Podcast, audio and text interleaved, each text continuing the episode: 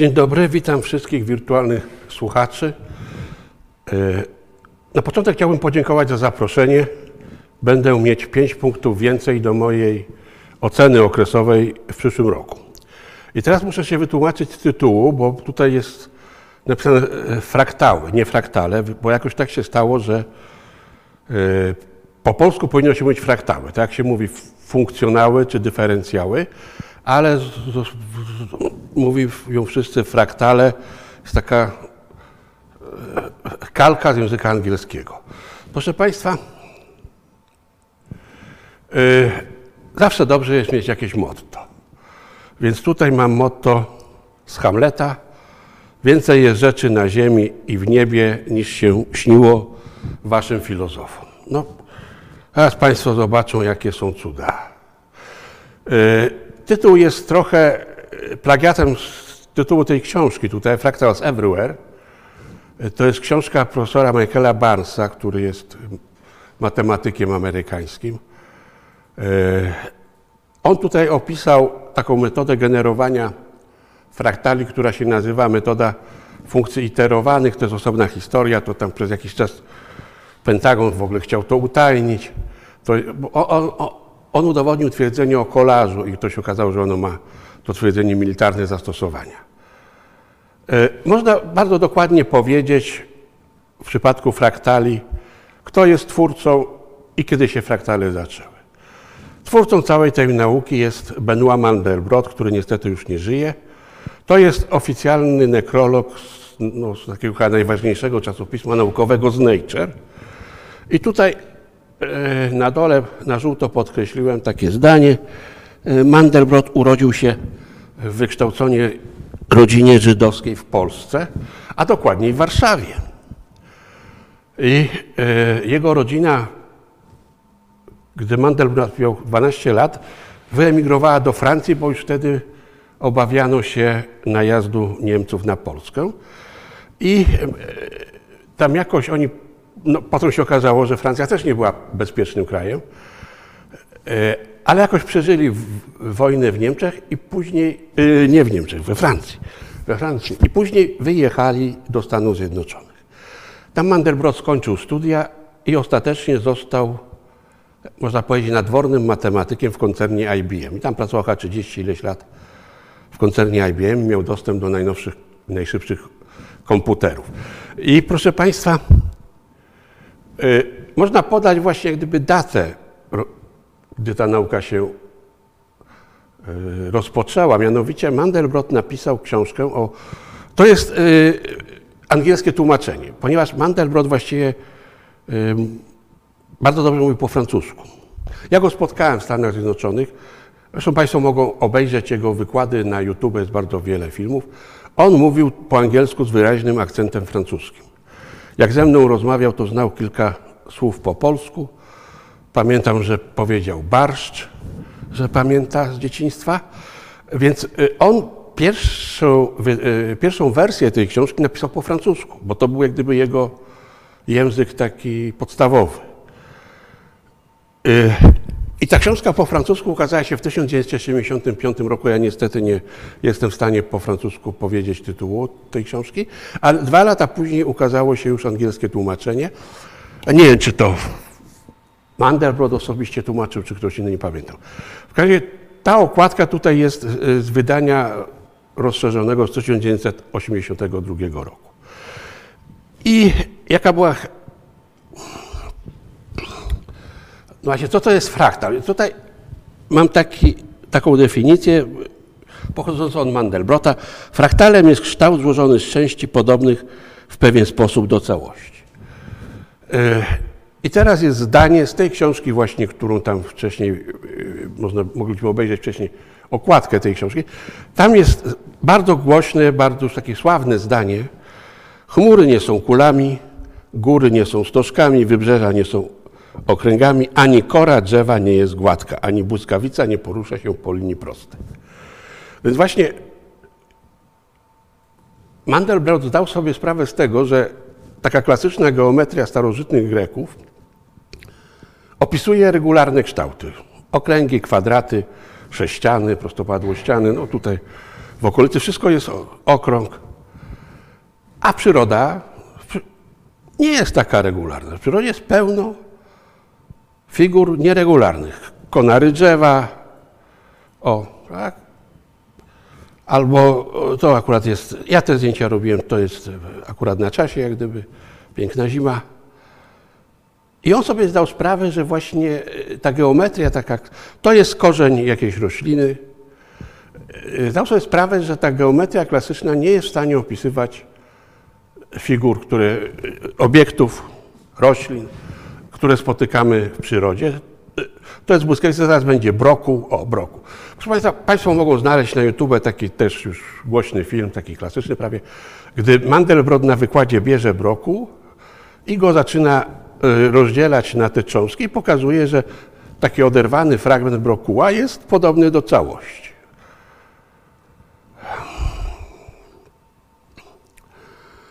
E, Aha.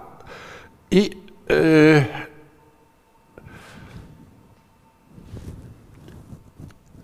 taki klasyczny też przykład to jest taka historia, że roczniki statystyczne Francji i Hiszpanii podają zupełnie różną długość granicy między Francją a Hiszpanią. Granica przebiega w Pirenejach.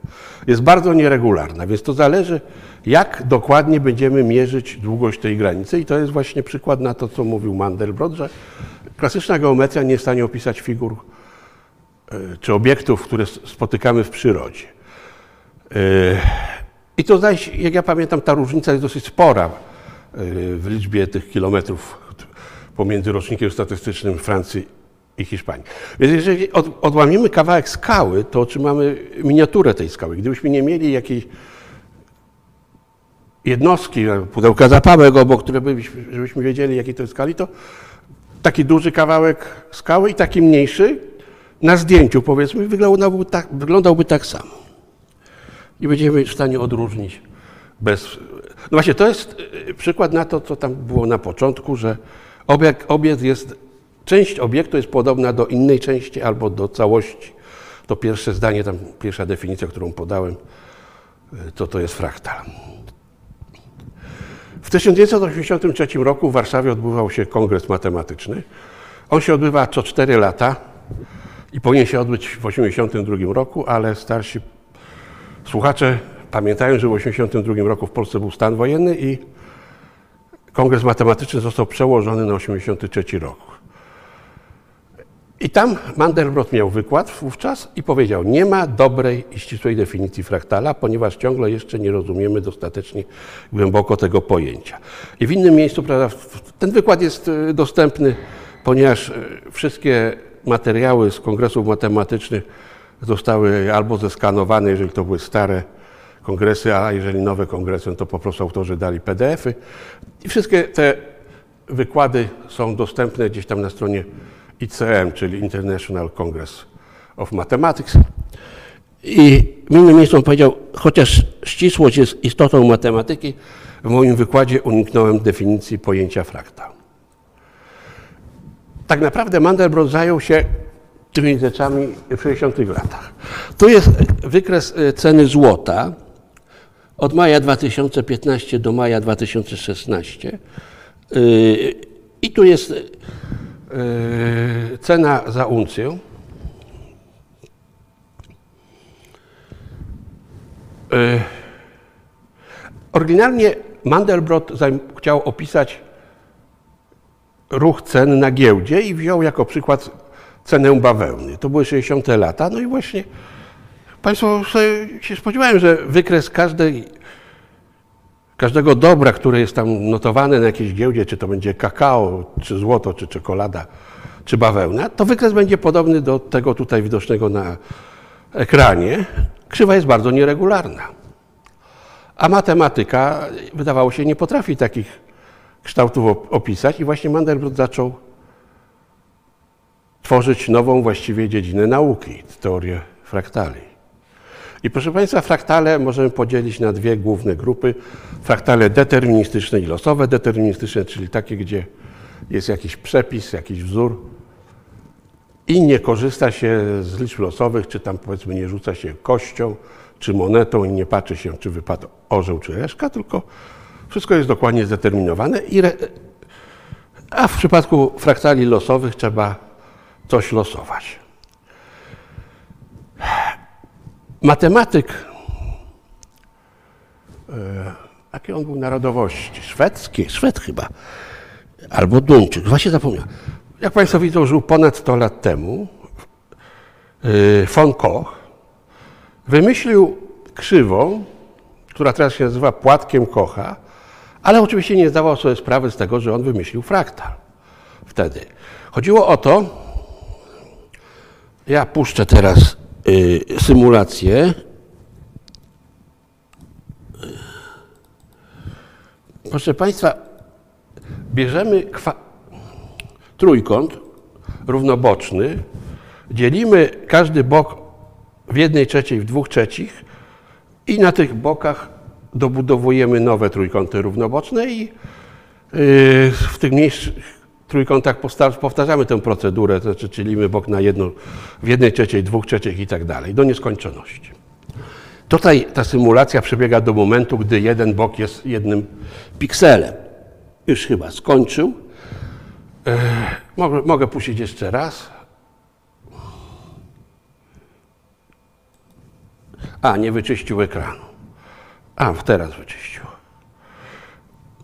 E, Tak, tak, ten jest, proces jest iteracyjny i, i jest e, deterministyczny, bo my tutaj nic nie losujemy, tylko jest przepis, co trzeba zrobić. I, proszę Państwa, dlaczego to jest ciekawe? Mianowicie obwód tej krzywej jest nieskończony. A pole powierzchni, jak wszyscy widzą, nieskończone, no bo mieści się to cała figura tutaj na ekranie komputera, ale w granicy w nieskończoności długość długość tej krzywej na brzegu jest nieskończona. Dlaczego? Bo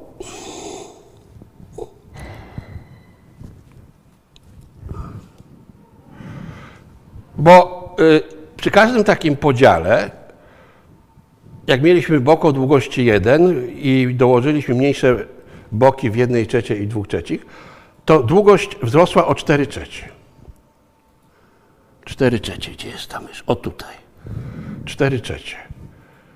I za każdym razem długość rośnie o 4 trzecie, a to jest postęp geometryczny o ilorazie większym niż 1. I jak n idzie do nieskończoności, wszystko idzie do nieskończoności. To jest w wypadku, gdy umówiliśmy się, że bok tego trójkąta jest jednostkowy, bo gdyby tutaj y, była jakaś długość różna od jedynki, to ona tutaj powinna być na początku, tam jakaś L, małe L, czy nieważne. W każdym razie to jest y, uproszczone dla wypadku, gdy y, umówiliśmy się, że długość boku to jest jedna jednostka.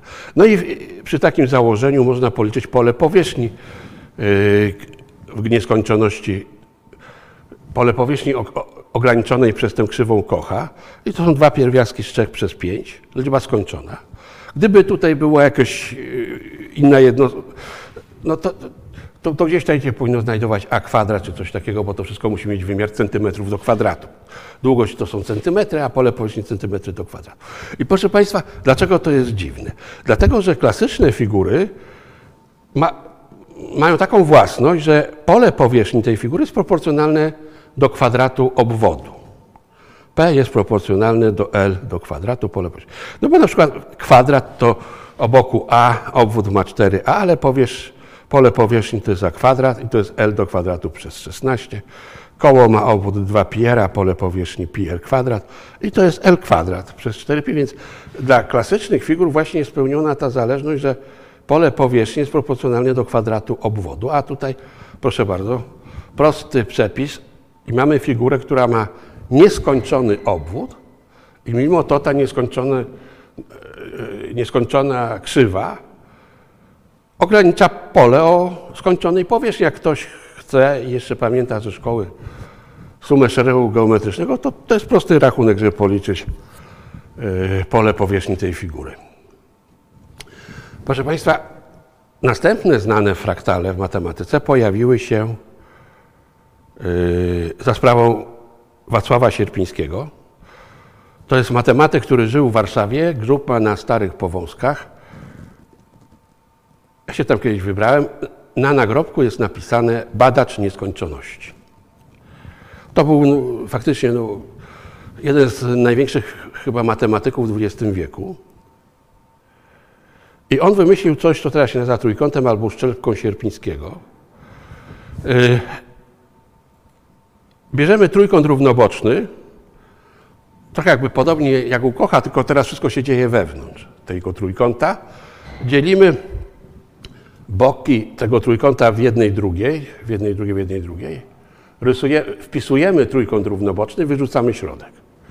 Teraz te trójkąty na, na zewnątrz, które zostały, powtarzamy tę procedurę. Tu dzielimy w jednej, drugiej, w jednej, drugiej, w jednej, drugiej i powtarzamy to do, do nieskończoności.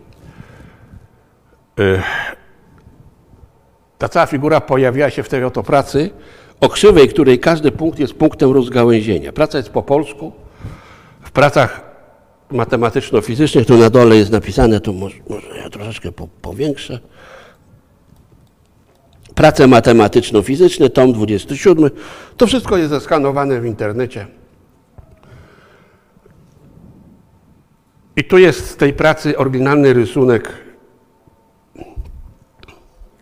Nie wiem, czy to było robione ręką Sierpińskiego, ale pod koniec tego artykułu, o tutaj na ostatniej stronie, ostatni akapit, że dowiedział się Sierpiński od pana Mazurkiewicza, że taką konstrukcję można zrobić w trzech wymiarach.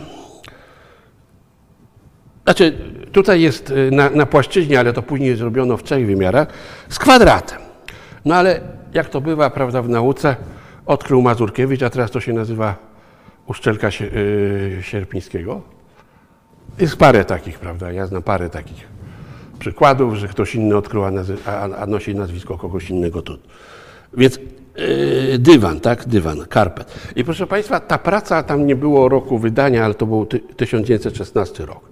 I, I w 2016 roku było stulecie właśnie pojawienia się tego dywanu sierpińskiego, a właściwie Mazurkiewicza i był jakiś taki projekt internetowy, młodzież w wielu krajach wycinała elementy tego dywanu sierpińskiego, to można sobie znaleźć, tu gdzieś jest link. Proszę Państwa, ja ten yy, na końcu podam link do mojej strony internetowej, gdzie te wszystkie materiały są dostępne.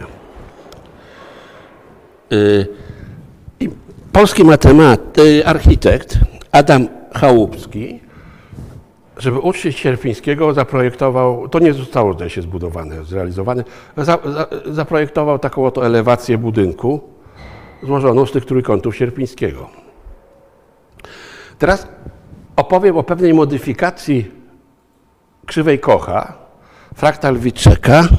To, Tamasz Wiczek to jest, y, to jest fizyk właściwie teoretyczny, to nie jest matematyk, to jest fizyk teoretyczny węgierski.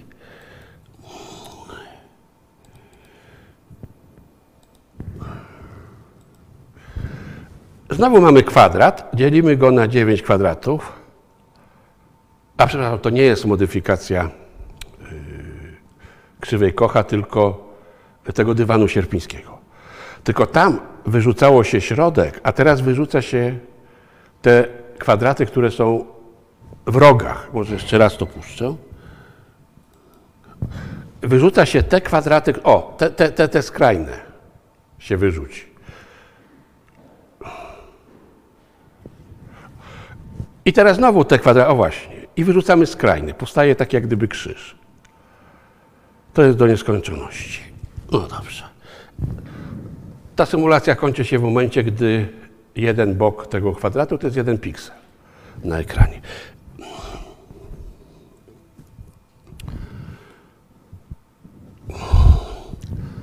I dochodzimy do zaskakującej rzeczy.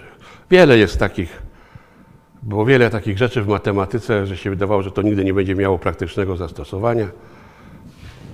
Na przykład taki matematyk 100 lat temu, Radon, odkrył transformatę Radona.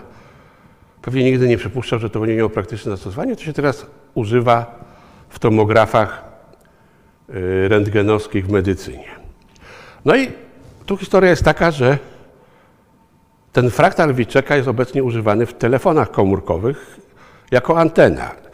Starsi słuchacze pewnie pamiętają, że no jeszcze tam w 90 latach, może i na początku nowego tysiąclecia, z telefonów komórkowych wystawało coś w rodzaju palca i to była antena.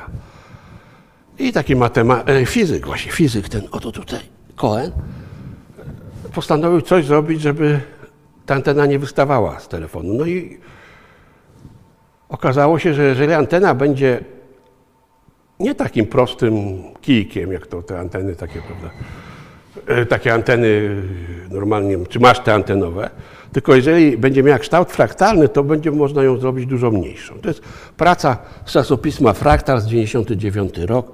Yy, samopodobieństwa i, i warunki geometryczne potrzebne na częstotliwości, takie jakie tam właśnie były potrzebne w, w telefonii komórkowej, to jest druga strona. Znaczy, są równania Maxwella.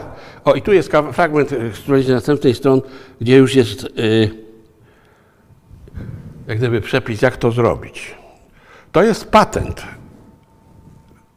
który należy do Coena, oficjalny patent z amerykańskiego urzędu patentowego i Państwo widzą tutaj właśnie ten fraktal Wiczeka jak ktoś chce, to może ma stary telefon komórkowy, może go rozebrać, spróbować poszukać w środku właśnie takiej figury. To jest z metalu. Można w Google wpisać i sobie obejrzeć zdjęcia y, rozebranych telefonów komórkowych, gdzie w środku właśnie jest antena fraktalna. I teraz, proszę Państwa, y, ja chcę opowiedzieć o tym najbardziej sławnym fraktalu Mandelbrota. Oryginalnie zapisuje się to w jednym równaniu, ale trzeba wiedzieć, że to są liczby zespolone.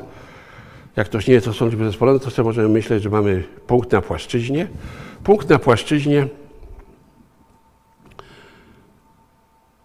współrzędny punktu na płaszczyźnie możemy opisać dwiema liczbami x i y. I teraz bierzemy taki oto ciąg opisany tymi dwoma równaniami na płaszczyźnie to jest ciąg, to ma indeks n, jest, te punkty są ponumerowane.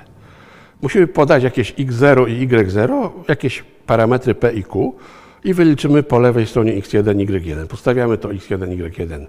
Po prawej stronie dostajemy x2, y2 i tak do nieskończoności. I teraz historia polega na tym, że przy pewnych p i q ten ciąg nie ucieknie do nieskończoności. A przy pewnych p i q ten ciąg ucieka do nieskończoności. I to można pokazać, że on ucieknie do nieskończoności wtedy, gdzie y, ten punkt wyjdzie poza okrąg o promieniu 2 i środków początku układu współrzędnych. I to, czy on ucieknie do nieskończoności, czy nie, to zależy od tych parametrów P i Q. I więc teraz bierzemy mm, na płaszczyźnie te punkty P i Q, które są właśnie parametrami dla tego ciągu. Programujemy komputer, P się jakoś tam zmieniają o jakieś delta P, delta Q. Tutaj to zależy od tego, jaka jest zdolność rozdzielcza komputera. Ekranu właściwie, wyświetlacza tego komputera. I liczymy powiedzmy do tysiąca ten ciąg, czy tam do 10 tysięcy, zależy jaki jest szybki komputer. I jeżeli dla danych P i Q w ciągu powiedzmy tysiąca iteracji punkt nie uciekł, do, nie, nie wyszedł poza okrąg o promieniu 2, to punkt rysujemy na czarno. A jeżeli powiedzmy 364 iteracja do, wyprowadziła punkt poza okrąg o promieniu 2, to rysujemy ten punkt o służonych pejku na kolor, który jest uzyskany z numeru tego indeksu n, no, powiedzmy 364. I ja pokażę yy, na żywo taką, e, taką animację, czy właściwie jak to nazwać. No, proszę Państwa, w czasach, kiedy Mandelbrot to robił 40 lat temu, to on miał wydruki z drukarki igłowej. Więc proszę pierwszy, o to jest e, ta płaszczyzna tych P i Q, płaszczyzna zespolona. I to, co jest na czarno, w środku, no to jak gdyby jest oczywiste, że wtedy, kiedy pejku jest mało, bo one są małe tutaj wewnątrz. Te wartości są małe. Tu gdzieś jest środek układu współrzędnych. Jak są duże, to wtedy to wszystko ucieka do nieskończoności, ten cały ciąg. Ale w środku jest wszystko na czarno, ale to się dzieje na brzegu, proszę zobaczyć. I zobaczmy powiększenie. Te kolory, tak jak powiedziałem, są uzyskane w ten sposób, że patrzymy w którym momencie, dla jakiego ena ciąg wyszedł poza okrąg o promieniu 2 i takim, no i tam rysujemy punkt, piksel o kolorze uzyskanym z tego n według jakiegoś tam wzoru. Powiększenie drugie. Państwo na YouTube znajdą filmy takie, gdzie jest zoom, tam powiększenie, nie wiem, na końcu chyba 2 miliony. Tutaj jest y, ostatnie powiększenie trzecie, to jest chyba 6 tysięcy razy. I wszędzie tam, gdzie w środku można zobaczyć coś, co się nazywa żukiem Mandelbrota. To, co było na początku, na tym wyjściowym obrazku, 6200 razy. Y, to, co było na, na tym wyjściowym obrazku, takie czarne, się nazywa żukiem Mandelbrota. I teraz to wszystko były fraktale deterministyczne. ale Tam wszystko było dokładnie określone, jak to dostać i nie losowaliśmy, co zrobić. I mam przykład właśnie wzorów, które prowadzą do figury na płaszczyźnie, która przypomina paprość. To jest właśnie układ funkcji iterowanych wymyślony przez Barsleya. To są te wzory. Bo znowu wszystko się dzieje na płaszczyźnie. Punkt na płaszczyźnie możemy opisać dwoma, dwiema liczbami x i y. I znowu mamy ciąg. Generujemy ciąg liczb, na, ciąg punktów na płaszczyźnie współrzędnych x i y o, za pomocą czterech odwzorowań. Są zwykłe odwzorowania, jak to by matematyk powiedział, afiniczne, to znaczy liniowe z przesunięciem. Ale gdzie jest losowość? Każde z tych odwzorowań losujemy. Tu jest, tu jest losowość że losujemy odzorowanie pierwsze z problemem jedna setna i tak dalej. No i teraz co się dostanie?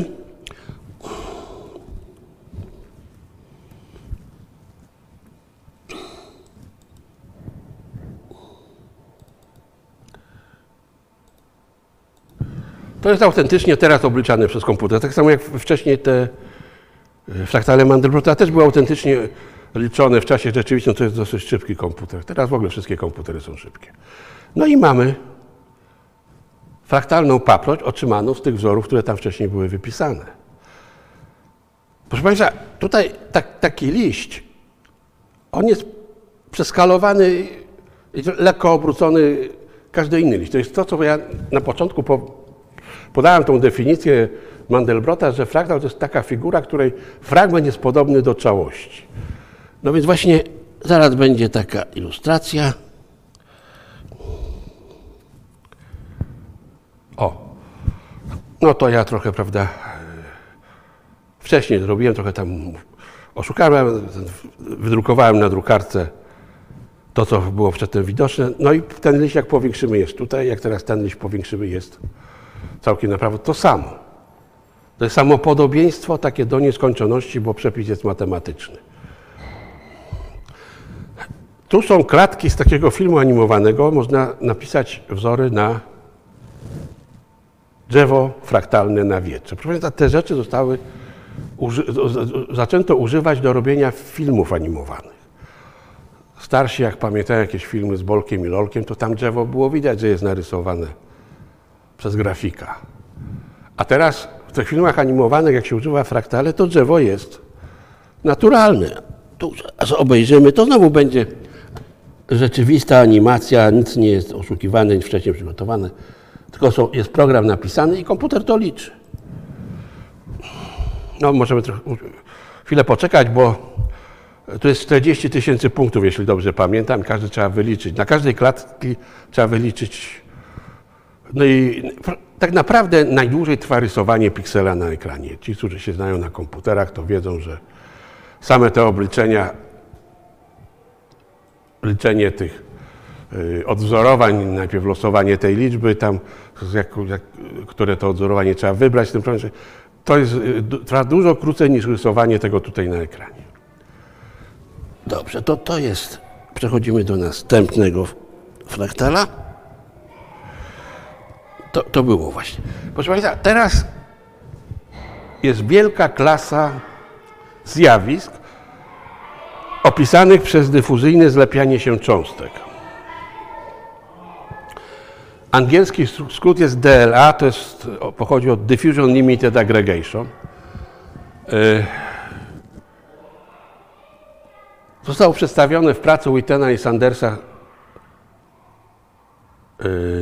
z 1900, ojej, 81 roku. Yy, Praca była Physical Review Letters, czyli w takim podstawowym czasopiśmie fizycznym. Oni zaproponowali model, który jak się później okazało, służy do opisu wielu zjawisk w przyrodzie. Model jest następujący. Bierzemy płaszcz, znowu bierzemy płaszczyznę. Znaczy to, to można w trzech wymiarach robić, w czterech wymiarach. Yy, tu jest DLA. Bierzemy płaszczyznę, wybieramy, no powiedzmy, że mamy jakiś układ współrzędny, gdzieś jest początek i w początku rysujemy y, cząstkę. To jest to nasiono, z którego ten cały fraktal, ten zlepek tych punktów urośnie. Mianowicie puszczamy gdzieś z daleka cząstkę, która zaczyna błądzić losowo, czyli iść tak jak chodzi pijak. Sprawmy sobie jedna czwarta w górę, w dół, albo w lewo, albo w prawo idzie. Sprawmy sobie jedna czwarta, to się mówi, że to jest ruch losowy symetryczny.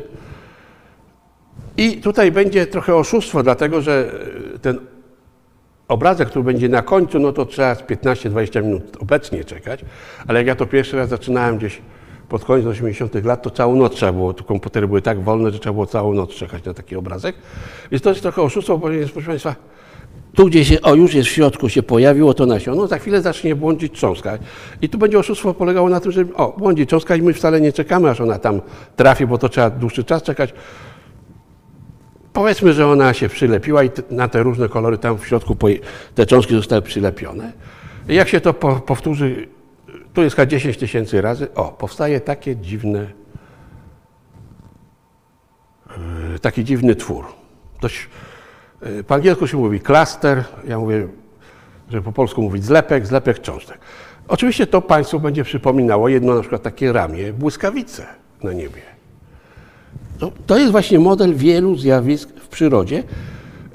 I proszę Państwa, teraz ja tu no, unikam jakiegoś formalizmu matematycznego, ale jest takie pojęcie wymiaru fraktalnego. Więc y, bierzemy ten środek tutaj,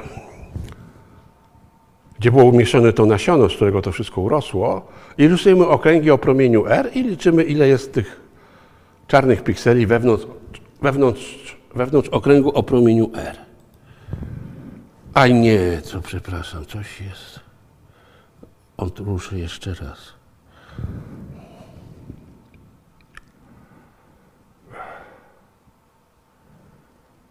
Aha, bo ja to mam w PDF-ie. Dobrze. No, niech sobie tam chodzi.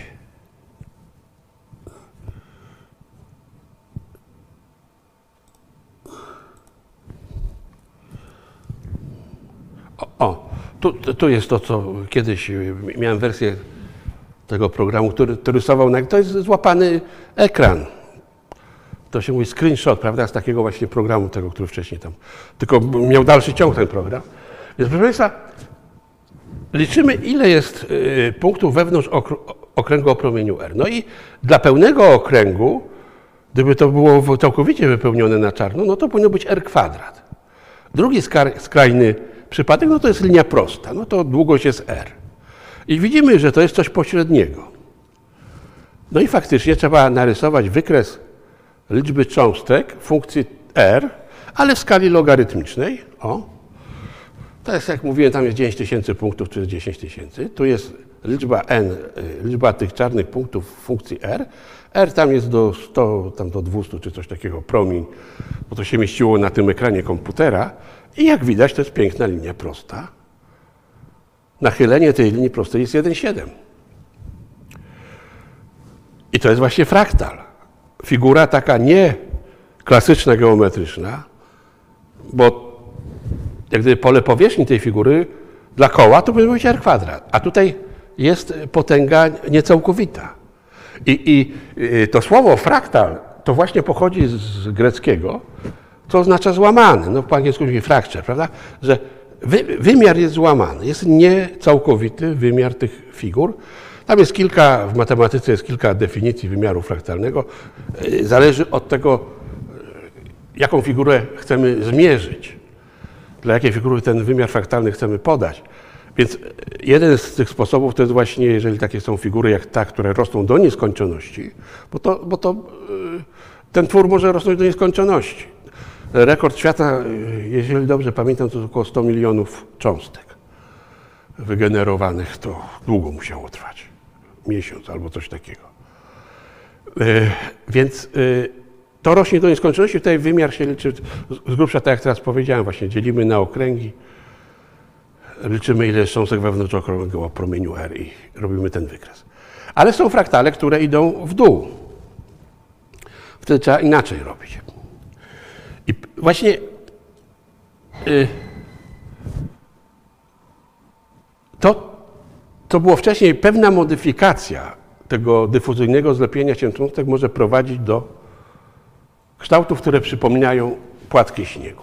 To jest y, pierwsza praca Nitmana i Stanleya z 1987 roku.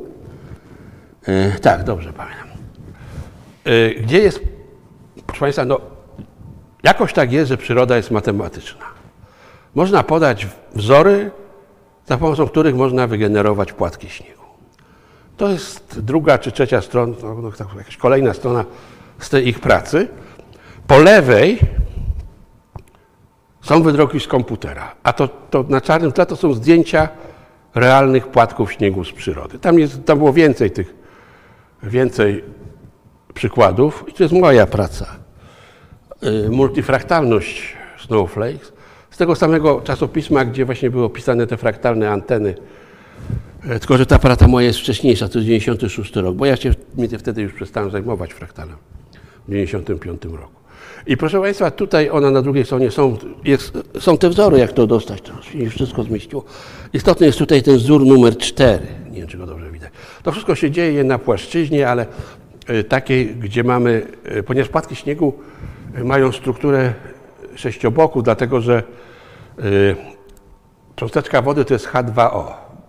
I atomy, dwa atomy wodoru umieszczone są względem atomu tlenu w ten sposób, że te ramiona łączące atom tlenu z dwoma atomami wodoru, te ramiona y, są pod kątem około prawie 120 stopni, 100, 180, 118 stopni coś jest dokładnie. Więc kąt jest 120 stopni i to jest powód, dla którego płatki śniegu mają symetrię sześciokątną. I teraz będą dwa zdjęcia autentyczne z tych symulacji, które ja dostałem, to ja wtedy jeszcze, to było 95 rok, to ja fotografowałem ekran komputera, a to trwało miesiącami. Te symulacje trwały miesiącami na komputerze. Ja w tej pracy na końcu dziękuję kolegom, że mi pozwolili okupować instytutowy ówczesny komputer tak długo. Jak się zmienia pewne parametry, tutaj gdzieś jego nie widać, jest ta E, tam ledwo, ledwo widać, tam są pewne parametry i mamy taki płatek śniegu, albo taki, albo całą klasę płatków śniegów pośrednich między tymi kształtami, w zależności od tego, jak te parametry dobierzemy. I to jest okładka autentyczna z książki profesora e, Lidmanowskiego Zarys teorii wyładowania w dielektrykach. To, co już wcześniej mówiłem, że e, ta figura, ten zlepek, który powstał podczas tej symulacji dyfuzyjnego zlepiania się cząstek, przypomina wyładowania elektryczne. No i faktycznie na tej okładce jest taki dielektryk, w którym sztucznie zrobiono wyładowanie elektryczne w sposób, że w środku gdzieś była jedna elektroda, na zewnątrz druga elektrona. No tutaj trzeba przyłożyć napięcie rzędu kilkudziesięciu tysięcy volt, ale jak nie wiem, czy Państwo wiedzą, że jak y, latem jest burza i na niebie widzimy pioruny, to różnica napięcia między chmurą a Ziemią to są miliony voltów. No tu jest teraz kilka zdjęć, które ja zrobiłem przez okno w, y, podczas autentycznych jakiejś letniej burz. A to jest do rzeczy Amazonki. I znowu widzimy ten, tę figurę, tak, taką figurę geometryczną, która trochę przypomina właśnie to dyfuzyjne zlepianie się cząstek. Mamy małe rzeki, jakieś, na początku są strumyki. Te strumyki wpadają w jakieś, tworzą większe strumyki i tak dalej. I na końcu są jakieś rzeki, które wpadają na, do Amazonki. To samo możemy narysować dla Wisły. Gdzieś tam w górach będą małe strumyki, które się łączą w większe i gdzieś się ta Wisła tam zaczyna. No to jest H tysiące kilometrów. Tak, tutaj jest skala, to jest cała długość Amazonki, to jest, są 3000 kilometrów. A więc widzimy w przyrodzie pełno takich figur nieregularnych. To jest rafa kolorowa, która znowu przypomina figurę utrzymaną y, przez Wittena i Sandersa w tej pierwszej pracy o dyfuzyjnym zlepianiu się cząstek. To też jest rafa kolarowa. Taką rafę jak kiedyś, to jest, ja to zrobiłem zdjęcie, jakieś, na, na, na giełdzie minerałów czy gdzieś takie coś można kupić czasem. Taką rafę koralową. Proszę Państwa, teraz dochodzimy do e, tego, co jest wewnątrz nas. Bo to, co wcześniej myśmy tutaj zauważyli, prawda, że pierwsza ta figura, ta krzywa kocha, miała nieskończony obwód, a skończone pole powierzchni. Można to uogólnić na trzy wymiary i możemy mieć figurę, która ma skończone, skończoną objętość, a brzeg tej figury, tak jak wcześniej y, brzegiem była krzywa, a wnętrze miało jakieś skończone pole powierzchni, teraz mamy o, o jeden wymiar więcej, to znaczy mamy zamiast pola powierzchni mamy objętość. Objętość jest skończona, ale brzeg tej figury ma gigantyczne pole powierzchni. I to przyroda wymyśliła, takie coś mamy w płucach, no bo właśnie pojemność płuc to jest tam powiedzmy 5 litrów. A pole powierzchni w tych pęcherzykach, no tutaj zaraz Państwo zobaczą, bo ja ten wykład czasem mówię na sali, w, realu, pierwszy raz mówię zdalnie i zawsze pytałem słuchaczy, kto chce zgadywać, jakie jest pole powierzchni płuc albo układ krwionośny jaka jest długość całego układu krwionośnego. No więc y, no nie mogę zapytać. Więc proszę Państwa, objętość jest 5 litrów, a pole powierzchni ograniczające płuca to jest 100 metrów kwadratowych. Y, układ krwionośny jest szacowany, widzą Państwo. I teraz będzie autentyczne zdjęcie z pracy E, Fraktal Lang, tak? czyli fraktalne płuca. To jest praca z 1990 roku. Tutaj jest kilku autorów. Państwo mogą zobaczyć, z jakich szacownych e, instytutów. Harvard Medical School, University of California i tam na kolejnej stronie jest takie oto zdjęcie. Autentyczne zdjęcie drzewa płucnego, jakoś tam wypreparowane. Więc tutaj na samej górze jest tchawica, jak mi tak... I coraz y, drobniejsze takie te drzewa, gałęzie drzew, a na końcach są pęcherzyki płucne. Znowu coś, trochę te, modyfikacja tego oryginalnego modelu y, Whitena i Sandersa. Proszę Państwa, to wszystko było samopodobieństwo w przestrzeni. A więc fiktury były geometryczne ale mamy czwarty wymiar czas. No i ja nie wiem, czy to są, e, to są chyba bracia. Nazwisko jest chińskie, ale oni pracują w Stanach. Nie, to jest Hochschule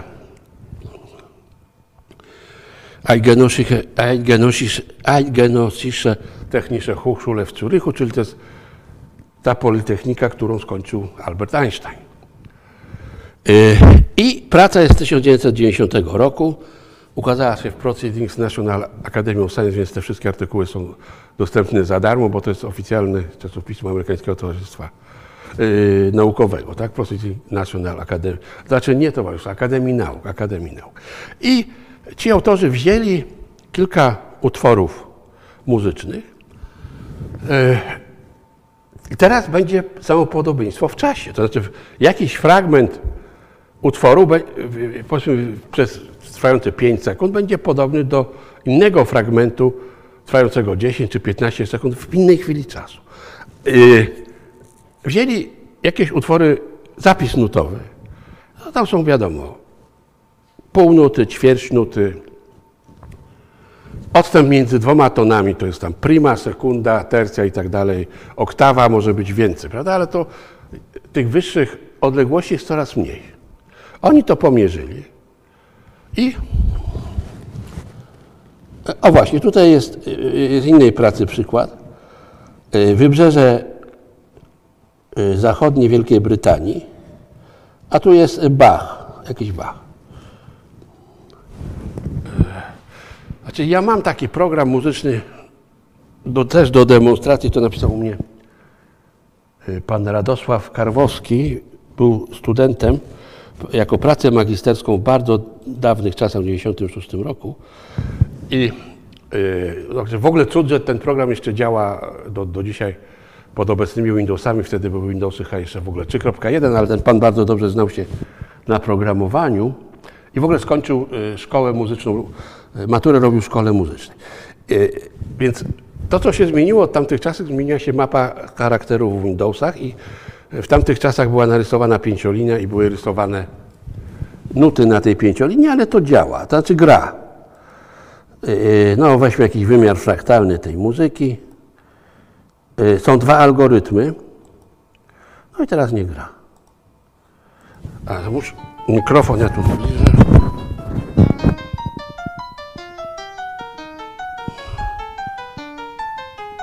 Gdzie, gdzieś się przerywa, stop.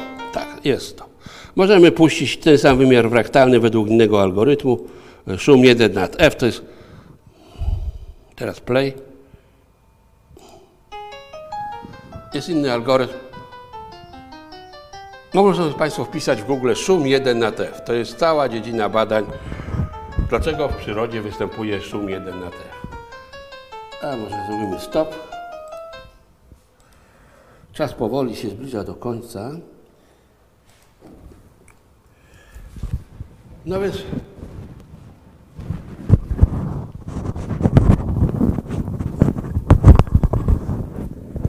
e, Proszę Państwa, no, został nam wszechświat.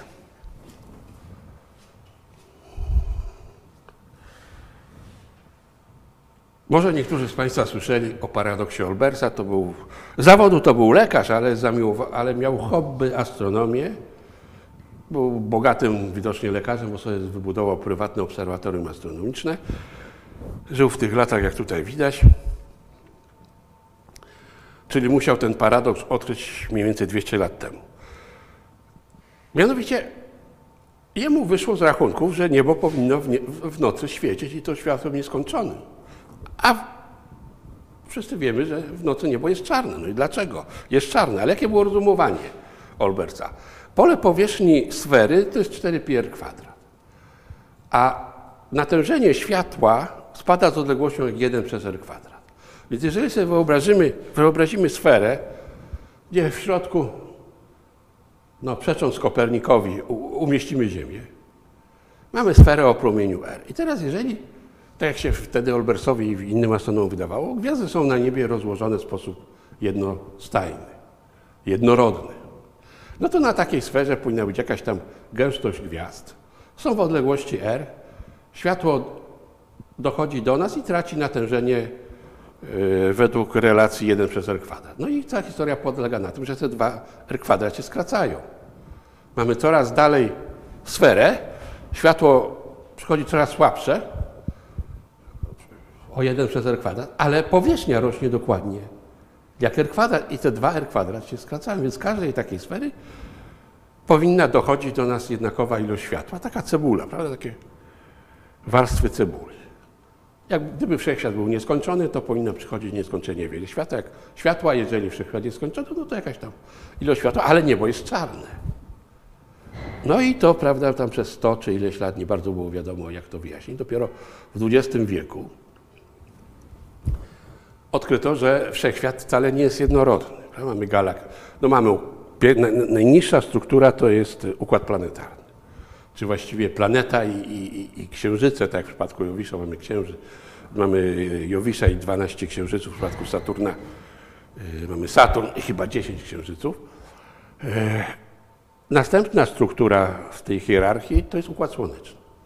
Następnie będą gromady gwiazd i Następna struktura to będą galaktyki. Galaktyka nasza tam powiedzmy ma średnicę 100 tysięcy lat świetlnych, czyli światło musi lecieć z prędkością 300 tysięcy km na sekundę przez 100 tysięcy lat, żeby przelecieć całą galaktykę. Ale do następnej galaktyki to są miliony lat świetlnych i wszystko pomiędzy jest puste. Więc jest bardzo niejednorodna budowa wszechświata. I tu jest okładka książki odkrywanie e, fraktali kosmicznych. mamy fraktale na końcu we wszechświecie. To już jest koniec wykładu. Proszę Państwa, tutaj y, jest kilka linków. Ten link tutaj przedostatni, przepraszam, który to? Ten, ten drugi, ten drugi od góry, to jest link na mojej stronie internetowej do takiego podkatalogu, gdzie ten wykład i te wszystkie programy, które ja tutaj używałem, są dostępne. Następnie są artykuły, które ja gdzieś tam czasem napisałem, ale to Państwo sobie wpiszą w Google, to są miliony linków. E, Można kupić płyty CD z muzyką fraktalną, wygenerowaną przez komputer. Ten pan, ja tutaj tego nie pokazywałem, ten mój magistrant, pan, y, o teraz jest profesorem w Kanadzie, pan Radosław Karłowski, y, ja tego nie pokazałem, on tam zrobił y, muzykę na cztery instrumenty jednocześnie, bo znał, wiedział jak się tworzy, jakie są zasady, bo to są ścisłe matematyczne zasady tworzenia akordów muzycznych, akordów muzycznych, jak na gitarze. I jeżeli on wygenerował jedną linię muzyczną z tego wzoru, z tego któregoś algorytmu, to następnie dobudowy, mógł dobudować akordy według tych reguł, jakich się y, używa w muzyce. I Państwo mogą kupić, czy posłuchać, posłuchać, pewnie za darmo też można, gdzieś w internecie fraktalną muzykę. To już już koniec, koniec wykładu. Dziękuję za uwagę. No niestety nie usłyszę oklasków. Dziękuję bardzo.